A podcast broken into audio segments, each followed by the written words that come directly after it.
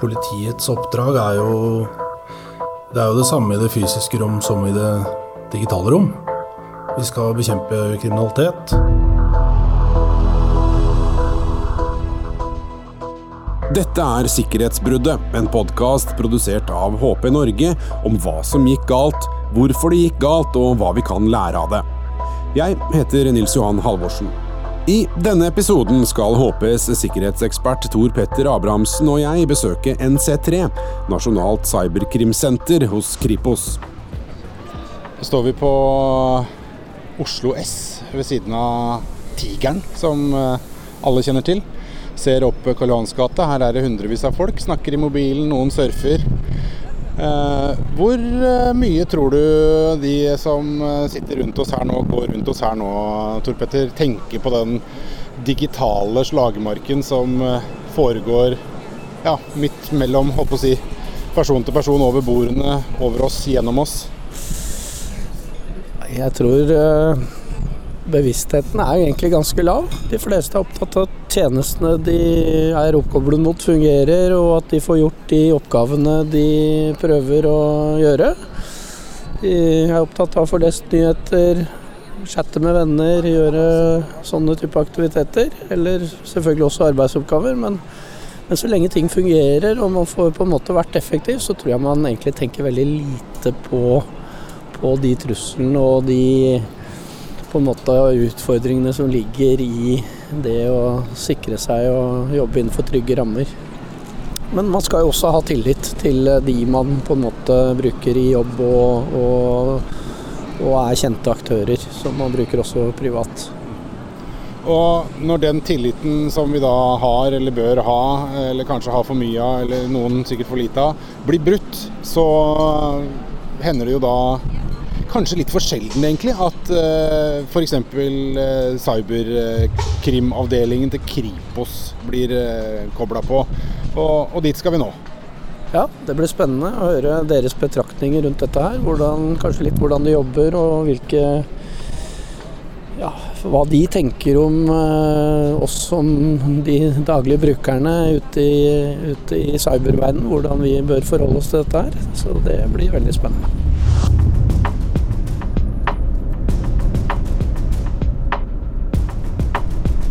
Jeg ønsker dere velkommen eh, hit til oss, da, først og fremst eh, til NC3 her på Kripos. Olav Skar er sjefen. Sjef for Kripos fremste dataetterforskere og eksperter. Altså Kripos sin oppgave er jo å bekjempe organisert og annen alvorlig kriminalitet. Hvilket landskap er det vi eh, befinner oss i? Hvilket landskap er det NC3 skal kjempe sine kamper i? Ja, Vi kan jo ta et eksempel på organisert kriminalitet. Det er jo Hydro-saken. Uh, Hydro ble utsatt for uh, datainnbrudd med løspengevirus etter at vi hadde vært i drift i noen uker.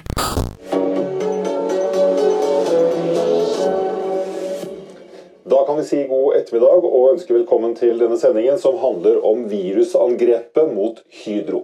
Dette er et eh, omfattende angrep i utstrekning. Det har ramma Hydro både i Norge og i andre deler av vår virksomhet rundt omkring i, i Og da eh, besluttet vi å ta den saken. Altså, vi er vel er vi nyopprettet, men dette er jo midt i, i kjernen av årsaken til hvorfor vi er opprettet. Den saken har fortsatt under etterforskning, og det er fremgang i etterforskningen i saken. Eh, men det at vi var der, eh, og at politiet kom til stede, i tillegg til uh, selskaper som ble innleid for å drive hendelseshåndtering, i tillegg til Nasjonal sikkerhetsmyndighet som kom støttende til raskt med sin kompetanse, så var de opptatt av at politiet også var til stede. Og det var også overrasket. Det som skjedde med Hydro, og som fullstendig lammet store deler av Hydros virksomhet tilbake i 2019, er fremdeles den trusselen, den formen for cyberkriminalitet Kripos, NC3 og Olav Skar ser på som den mest alvorlige trusselen mot norske virksomheter. Ransomware, eller som Skar kaller det Datainnbrudd med løsepengevirus er jo blant de aller fremste truslene som ledere av store og mellomstore og små bedrifter nevner som de er mest redd for. Da er konsekvensen at de må ta det med inn som en del av sin business. Og så koster det jo penger, selvfølgelig. Ehm, De som har vært utsatt for det, de, de bruker penger på det. Det er vår erfaring. De gjør endringer i organisasjonen. De mobiliserer. Og i den aller første episoden av Sikkerhetsbruddet kan du høre hvordan det oppleves å bli rammet av ransomware. Der får du høre om hva som skjedde med Østre Toten kommune. For kommunen ville fortelle sin historie. Mange vil ikke det. Så ta oppfordringen fra sjefen for Kripos cyberkrimavdeling. Vær åpen! Man kan ha cyberskam for å si ifra. Altså, det er ikke noe å skamme seg over at man er utsatt for organisert kriminalitet. Den er jo nettopp laget uh, for at man skal kunne rammes av den. Det er store og organiserte ressurser bak. Og det er noe som en type kriminalitet som har rekkevidde til øh, alle som er koblet til internett. Så det er ikke noe å skamme seg over. Og idet man slutter å skamme seg og begynner å mobilisere, så, så går man fra skam til det å etablere øh, resilience, eller motstandskraft, da, som jeg er opptatt av. For det er store mørketall her. Gjennom researcharbeid til denne podkastserien kontakta vi flere norske bedrifter vi visste hadde vært utsatt for datakriminalitet. Ingen av dem ville fortelle sin historie. Men det nytter å si fra, og det nytter å melde denne typen kriminalitet til politiet. Det er helt sikkert mange flere som er rammet av denne type kriminalitet enn de som, eh, som melder ifra. Vi ser jo en utvikling eh, at det er flere som anmelder. Vi samarbeider jo bl.a. med Næringslivets sikkerhetsråd. Vi samarbeider med stadig flere private sikkerhetsselskaper. og vi har jo et firepartssamarbeid som heter Felles cyberkoordineringssenter, hvor eh, politiet, NSM, eh, PST og Etterretningstjenesten eh, samarbeider om å koordinere ressursene sine når det, når det skjer hendelser i det digitale rom. Og De hendelsene kan man jo ikke konkludere med idet de inntreffer hvem som står bak. Men vi kjenner jo hverandres mandater og, og kapasiteter, og vi koordinerer ressursbruken. Sikkerhetsbruddet er laget av HP Norge. HP Elitebook Dragonfly G2 er PC-en som passer perfekt for moderne, norske bedrifter. Den har et lett og stilig design, Windows 10, og er blant verdens sikreste PC-er, med HPs unike sikkerhetsløsning, HP Wolf Security. I tillegg har den HP Fast Charge, som lader batteriet til 50% på bare 30 minutter. Moderniser virksomheten din. Windows 10 Pro-enheter. Med 5G-tilkobling får de ansatte muligheten til å jobbe raskt og sikkert, uansett hvor de er. Finn ut mer på hp.no. Vi er på vei inn til seksjon for elektroniske spor, eller e-spor, som det heter på huset. Enn så lenge så har det jo sett ut som et helt vanlig kontor hos NC3, cyberkrimavdelingen til Kripos. Hos e-spor, der har de dingser. Du kan bli med inn her, så skal du se landets råeste laboratorium for å sikre elektroniske spor. Steffen Torkelsen tegner og forklarer. Før vi går helt inn, så skal vi ta en liten sånn forholdssjekk. eh, sånn. Det er et eh, laboratorium på nesten 1000 kvadratmeter. Det er eh, antistatisk tilrettelagt. Det er ikke lov til å ta på noe, eh, og, men dere kan se. Og så har vi eh, Så skal jeg ta og vise dere litt rundt. Nå har vi eksterne i, i området. Nei. Da veit du at de driver med alvorlige ting når de sier det. Nå har vi eksterne i området. Da er det sånn, nå er dere advart. Det er viktig. Her håndterer vi jo alle mulige elektroniske duppedingser. Og det er jo, vi har jo taushetsplikt som alle andre, vet du. Så for at dere ikke skal komme i en situasjon som ikke dere kommer ut av, så tenker jeg sier at her har vi eksterne i området. Jeg liker at du sier at altså, vi ikke skal komme i en situasjon vi ikke kan komme ut av. Det er eh, en god måte å si det på. Ja. Men, men typisk, hva da er det? Altså, jeg, jeg, jeg skjønner mobiltelefon, at den kan gi mye elektroniske spor. Men hva annet er det som kan gi et elektronisk spor, som jeg ikke umiddelbart tenker på er en ting som kan gi et elektronisk spor? Nei, Det som er saken er jo eh, i etterforskning om man har eh, eh, elektroniske spor, enten det er på internett eller hvor det måtte være, så er ofte det fysiske eh, enheten er jo hva skal vi si, eh, inngangen, da. Ja, altså jeg tenker sånn umiddelbart her er det, Denne er noen som skal fikse på fritida, for det er en sparkesykkel. Ja. Men, men det er faktisk det Her er det altså det, Nå snudde du det arket, for der sto det et eller annet hemmelig. Eh, men her er det da Her har dere henta ut et eller annet. Her har vi en sparkesykkel, elektrisk, og den har vært med på eh, kriminell eh, hendelse. Og vår oppgave her er å finne ut av hvor har den kjørt, når kjørte den der, Ja, ikke sant. Ja, det, det hadde du ikke tenkt på, Tor Petter?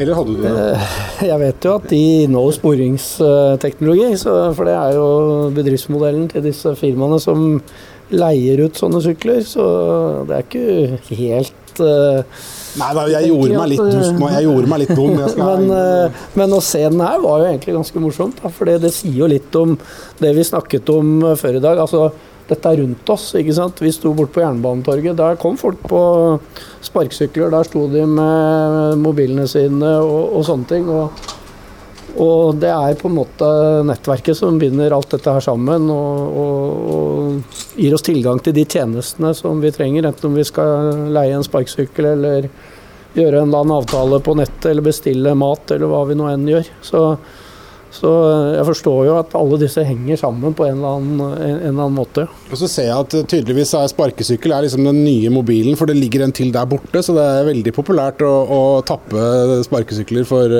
for spor, skjønner jeg. Du, det du kan si, det laboratoriet her det har eh, veldig mye avansert eh, utstyr og eh, verktøy, og personell med spisskompetanse innenfor data og elektronikk. Det vi gjør er å i eh, veldig mange straffesaker, uansett hva det måtte være, så er det eh, dingser. Det kan være mobiltelefoner, datamaskiner, elektriske sparkesykler eller eh, hva som helst. Og vår oppgave da er jo selvfølgelig å tappe det for sporene. I noen tilfeller så er det veldig enkelt med å bare lese ut en minnebrikke. Eller, og andre ganger så må vi ta det helt fra hverandre. Finne virkemåten, vi må knekke krypteringen osv. Så, videre. så her inne i laboratoriet så har du da alt mulig verktøy for å gjøre nettopp det arbeidet. Og, og er, nå, nå, skal jeg på en måte legge ord i munnen på deg. Og det er ikke grenser for hva dere kan finne i de mest utrolige ting? Nei, det er jo ikke grenser for hva vi kan finne av de utroligste ting. Nei, men er det så Veldig bra. Men er det sånn at det er mange ting som jeg som menigmann ikke ville tenkt på at kan inneholde informasjon som dere kan finne informasjon i? Ja, det, Vi blir jo overrasket selv også. Det er jo et uh, digitalisert uh, samfunn. Vi bruker teknologi både til arbeid, fritid, uh, hva det måtte være. De som er kriminelle gjør jo også det. så jeg tror nok det at eller elektroniske spor, det er egentlig overalt. Så vi vet jo ikke alltid hvor vi finner det. Men vi må jo bare se, da. Vi tar ting fra hverandre, og så ser vi aha, her var det et elektronisk spor. Så tar vi det ut, og så bringer vi det videre til etterforskningen og, og de som eh, ja, kan forstå det, sette det i en sammenheng og se hvilke skritt de skal ta for å komme nærmere eh, hendelsesforløp og den kriminelle gjerningsmannen. Hardware-leverandørene de, de, jobber jo hardt for å på en måte uh, komme med teknologi som skal beskytte brukernes data og, og på en måte tilgangspunkter. Og stadig mer avansert sikkerhetsteknologi bygges inn i enhetene som både du bruker privat og selvfølgelig det som brukes i bedriftene. Hva tenker du om det i forhold til jobben din og utfordringen med på en måte å, å komme gjennom den barrieren som, som, eh, ligger i moderne teknologi. Og som i utgangspunktet er der for å beskytte brukeren mot de kriminelle, men som selvfølgelig kan virke helt motsatt. Ja, det er et godt spørsmål, uh, først og fremst. Jeg tenker jo at uh, personvernet er veldig viktig og står veldig sterkt, heldigvis. Jeg tenker også at politiet er gitt et sett hjemler og muligheter til å opp oppklare straffbare forhold, og vår oppgave i det er jo å hjelpe til. Eh, så tenker jeg at eh, vi eh, får veldig mye av samarbeid med produsenter når man trenger det. Og så tenker jeg det at vi Det vi finner ut av metodikk for å sikre elektroniske sporene, da, det holder jo vi for oss. Og det tenker jeg med all respekt og vern for eh, individet, så er det der det blir. Og det blir en del av etterforskningen. Ferdig med det.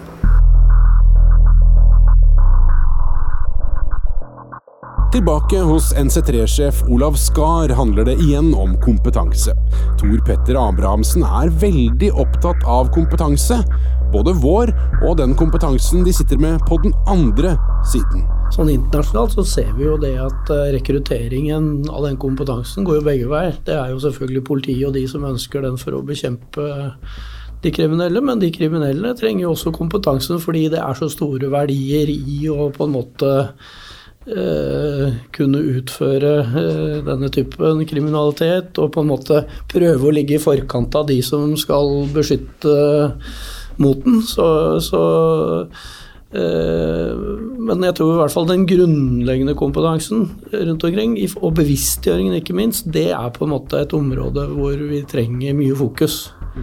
Det er, et, det er, nok et, grunnleggende problem som ligger i det at man blir bedt om å gjøre egne grep for å, for å hindre trusler, eller, eller, avgrense truslene, eller begrense truslene. Eh, som er forbundet med en type utstyr man bruker hver dag, som man eh, ikke forstår hvordan fungerer. Det tror jeg er det grunnleggende. Eh, så litt mer eh, bli venn med, med teknologien. Og, og, det er klart, det, det, ligger jo ikke for alle. Jo, teknisk innsikt er jo selvfølgelig forskjellig, men jeg snakker ikke så veldig mye. Jeg snakker om at det at man tar i bruk stadig mer digitale verktøy, det fordrer at vi alle bruker litt mer av vår tid til å sette oss inn i selv hvordan det faktisk fungerer. Og da vi, Særlig når vi er over i arbeidssituasjonen. Det er ikke opp til eh, IKT-avdelingen, eller hvis noen eh, også har en nyetablert IKT-sikkerhetsavdeling, og så har de kanskje til og med funnet ut at de skal sitte sammen og samarbeide det daglige, hvilket jeg syns er veldig lurt, så er det jo fortsatt det første sikkerhetsleddet er jo alle de ansatte. Eh, så det begynner jo med oss selv, da, tenker jeg. At vi må også på dette området bli flinkere til å forstå konsekvensen av, eh, av uh, truslene, og bli litt mer venn med, med teknologien som vi bruker til daglig.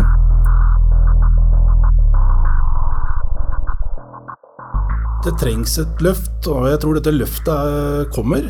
Jeg tror det kommer. Jeg ser at det er en stadig økt, økning i bevisstheten i samfunnet rundt cybersikkerhet, og ordet cyberkriminalitet tas i bruk i stadig større grad. Det er, det er, mye mer snakk om kriminalitet nå i det digitale rom enn det var for to-tre år siden. Og det tror jeg er sunt. For det er fint å snakke om trusler, men hvis man skal bekjempe en trussel, så, så er det på mange måter eh, man, man, hopper over det viktigste sluttleddet, og det er at man må ettergå det og iretteføre det som annen type kriminalitet. Og vi etterforsker, eh, Politiet etterforsker saker for å iretteføre de som har gjort noe ulovlig. Og vi har et system for det i Norge. Og det systemet er jo eh, altså Jeg skal jo ikke si at det er noen garanti eh, for at det ikke blir ny kriminalitet. Men det er jo i hvert fall en, en praksis som gjør at de som tenker at de skal gjennomføre noe kriminelt, de forstår etter hvert at det er en risiko for at man havner i fengsel for dette her. Og det har eh, en forebyggende effekt. Vi ser jo det at uh, cyberkrim er jo en internasjonal uh, virksomhet i veldig store, uh, i stort omfang. Altså, min magefølelse, jeg skal ikke si om det er riktig, men det er jo det at veldig mye av disse angrepene kommer utenfra. Det kan komme via, via land og, og, og steder, men men initieringen den starter kanskje ikke så ofte her hjemme i Norge som man gjør uh, utenfor uh, rikets grenser. Vi jobber jo kun internasjonalt. Uh, det vil si all vår etterforskning har et internasjonalt tilsnitt. Når vi har en sak i Norge som etterforsker, så er vi jo med en gang i kontakt med våre folk som som kommer fra, fra, Kripos, og som sitter i, i Europol og, og, i det europeiske cyberkrimsenteret på vegne av politiet og Norge. Og kobler vår informasjon med andre etterforskninger som pågår internasjonalt. Og det er jo, det er jo som du sier, det, jo, det, skjer jo ikke i isolasjonen i Norge. Det, det, kan selvfølgelig skje, men i de aller, aller fleste tilfellene i dag så dreier det seg ikke om en eller annen som er litt lenger nede i gata. Det som da skjer, er at sant, La oss si at vi har satt et navn på en, eh, på en etterforskning. da. Eh, og så konsentrerer vi oss om den, og den, vi finner etter hvert omfang av den. Men veldig tidlig så, så, får vi informasjon om tilsvarende skadevare som er brukt i et antall andre etterforskninger som andre land har enten startet etterforskning på, eller holdt på med å etterforske en stund. Og Det som da skjer, er at man kan få et, et sprang i fremgangen. Fordi den, den, informasjonen som vi i begynnelsen av nettforskning deler inn i det internasjonale samarbeidet, det kan være den siste biten av informasjonen som de trenger i en annen etterforskning for å få klarhet i sitt bilde. Så, og det opplever jo vi. Vi koordinerer jo eh, internasjonale etterforskninger. Kripos gjør det. Eh, og vi har eh, etterforsket organisert eh, siden senteret ble startet. Så det er en kraftig mobilisering for å iretteføre denne type kriminalitet, og det er en internasjonal eh, innsats.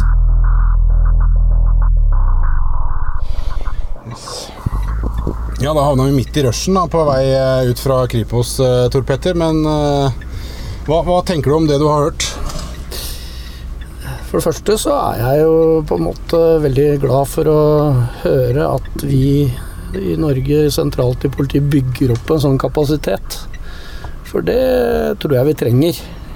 For å på en måte få Altså at politiet skal kunne få gjort en god jobb med å etterforske og på en måte komme til bunns i den type saker. Og ikke minst altså bistå virksomheter og de som er utsatt for noe, sånn at de vet at samfunnet tar dette her veldig på alvor. Det handler jo også om å sette seg bitte lite grann inn i de eh, enhetene man bruker, og, og, hvordan de fungerer, og at det, ved at vi kanskje vet bitte lite grann om hvordan det funker, så vil vi også bruke det på en tryggere måte. Ja, det handler jo i stor grad om å bruke de mulighetene som er der. Og da må du jo kjenne til det, ikke sant. Altså når du oppretter en konto på f.eks. Facebook, så får du jo tilbud om det de kaller tofaktorautentisering. Eh, du er ikke nødt til å bruke det, men de anbefaler deg å bruke det. Og ved å bruke det, så er jo på en måte innholdet ditt sikret på en mye bedre måte enn når du ikke bruker det. Og sånne mekanismer fins det både på, på de, altså enhetene du bruker. Om det er en smarttelefon eller en PC, så kan man legge på lag av sikkerhet og, og både beskytte på en måte mot misbruk og beskytte dataene dine. Men du må veldig ofte ta et aktivt valg selv. Uh, og, og, da få selvfølgelig en veldig mye bedre beskyttelse enn det du har hvis du ikke gjør det. Og da lønner det seg å vite hva tofaktorautentisering er. Selvfølgelig. Og det, da handler vi om den basiskompetansen som, uh, som uh, han snakket om. At vi alle, uh, når vi skal på en måte Når vi kjøper oss en ny bil eller kjøper oss en ny komfyr, altså vi må på en måte sette oss inn i litt av det grunnleggende for at vi skal få fullt utbytte av den nye teknologien vi anskaffer oss.